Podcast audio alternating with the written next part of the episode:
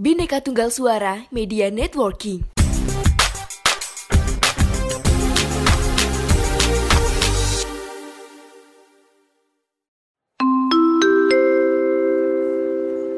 Mohon perhatian. Sekali lagi kami sampaikan, bikin podcast dengan Anchor dijamin gampang. Gak percaya? Langsung buktiin aja. Anchor, teman setia podcaster.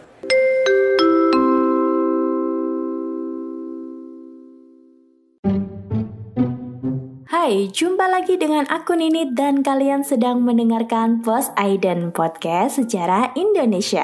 Podcast yang bakal bikin kalian gagal move on. Kalian pernah dengar nggak nama Air Langga? Yap, nama ini pasti udah nggak asing di kalangan masyarakat Jawa, terutama Provinsi Jawa Tengah dan Jawa Timur. Bahkan nama ini dijadikan nama sebuah universitas terkenal di Provinsi Jawa Timur. Yap, Erlangga itu adalah sebuah nama dari seorang raja. Dan mungkin banyak yang kurang tahu ya, beliau ini dari kerajaan mana sih? Jadi Erlangga itu berasal dari kerajaan bernama Medang Kamulan. Bagaimana kehidupan kerajaan ini? Apakah banyak konflik yang terjadi? Dan ternyata kerajaan ini juga hasil pindahan dari kerajaan Hindu terbesar di Jawa Tengah yaitu Mataram. Kenapa kok bisa pindah? Mari kita bahas. Let's listen up. Kerajaan Medang Kamulan ini kita bisa katakan sebagai kerajaan lanjutan dari Mataram. Kok bisa ya? Uh, dengerin dulu.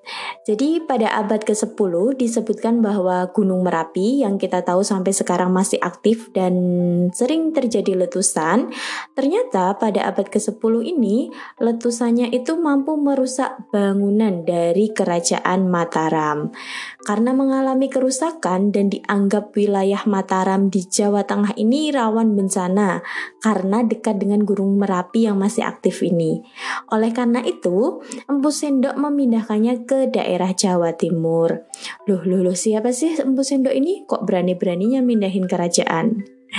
Yats, ternyata pada masa itu Empu Sendok adalah menantu dari Mahamantri atau pejabat tingkat tinggi yang setara dengan putra mahkota. Kemudian beliau ini memindahkan kerajaan Mataram ke Jawa Timur. Dan ketika ia sampai di Jawa Timur mendirikan kerajaan ini ia naik tahta tepatnya pada tahun 929 Masehi. Dan disebutkan bahwa Empu Sendo inilah sebagai pendiri dari dinasti Isyana. Bukan Isyana Syaraswati ya.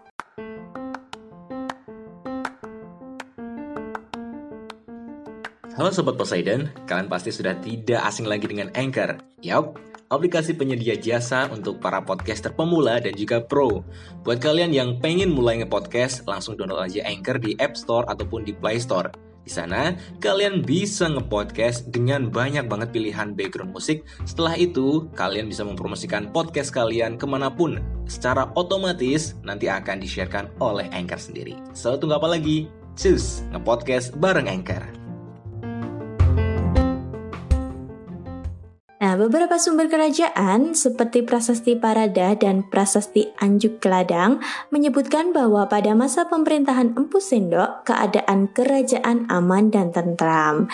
Beliau dan masyarakatnya itu menganut Hindu aliran Siwa. Bahkan beliau menaruh toleransi terhadap agama Buddha loh. Hal ini dibuktikan sama penganugerahan kepada Sri Sambara Suryana penulis dari kitab Buddha aliran Tantrayana berjudul Sang Yang Kamahayanika, yaitu sebuah desa Wenjang. Nah, dari zaman dulu, Nusantara penuh dengan toleransi. Masa kita sekarang nggak bisa? Yang katanya kita adalah manusia modern ya, penuh dengan teknologi harusnya lebih pinter dan harus bisa bertoleransi. Namun, walaupun dianggap tentram aja nih, Medang Kemulan itu juga pernah mengalami malapetaka atau bisa dikatakan paralaya. Nah, tepatnya pada acara pernikahan Erlangga dengan putri dari Raja Dharma Wangsa, penerus raja dari kerajaan Medang Kamulyan. Kota Watan yang merupakan wilayah kerajaan Medang Kemulian ini diserbu oleh Raja Wurawiri dari Lauram atau sekarang itu masuk ke desa Ngloram ya di Cepu sana. Nah, sekutu dari kerajaan Sriwijaya ini dapat kita katakan beliau ini mau balas dendam. Kenapa? Karena sebelumnya Dharma Wangsa ini pernah menyerang wilayah Sriwijaya yang menyebabkan Sriwijaya tertutup oleh dunia luar. Dari penyerangan ini, semua anggota keluarga tewas dan Erlangga ternyata mampu meloloskan diri. Kemudian, Erlangga ini diangkat oleh para pendeta menjadi raja pada tahun 1019 Masehi. Kemudian ia membangun pusat kerajaannya lagi di daerah Kahuripan. Nah, kalau sekarang namanya di daerah Sidoarjo ya. Tapi nanti bakal dipindahin lagi ke daerah Daha di Kediri. Pada masa Erlangga ini, beliau mampu meluaskan wilayahnya sampai Sriwijaya. Uh, ada beberapa hal yang dilakukan Erlangga untuk kerajaannya, seperti memperbaiki pelabuhan Ujung Galuh di muara Sungai Brantas, karena pelabuhan ini dianggap sangat ramai dan menguntungkan. Banyak pedagang dari India, Birma, Kamboja, dan Campa yang berlabuh ke pelabuhan ini. Kemudian, beliau juga membangun Waduk Waringin Sabta untuk mencegah banjir di kerajaannya dan membangun jalan-jalan yang menghubungkan daerah pesisir dengan pusat kerajaan.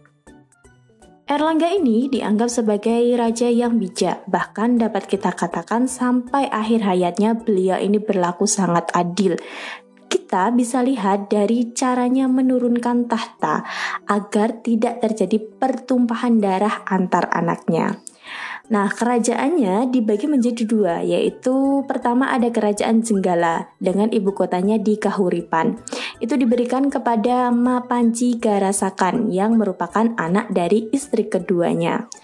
Kemudian, Kerajaan Panjalu atau Kediri dengan ibu kotanya di Daha itu diberikan kepada Sri Samarawijaya Putra yang merupakan anak dari istri pertamanya yang kita bisa katakan dia adalah putra mahkota gitu. Setelah meninggal, beliau ini dimakamkan di Candi Belahan dan digambarkan sebagai Dewa Wisnu sedang mengendarai burung Garuda. Meskipun kerajaan Medang Kamulan ini bukan termasuk kerajaan Hindu besar ya, dan banyak terjadi pertumpahan darah, tapi kita bisa ambil pengalaman yang terjadi yang dilakukan oleh Raja Erlangga, terutama dalam hal keadilan. Nusantara yang sekarang sudah jadi Indonesia yang sangat besar, harus bisa berlaku adil terhadap rakyatnya. Udah deh nggak usah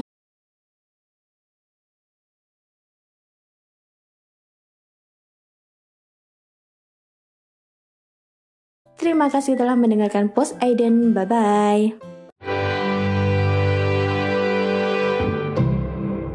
Kasih.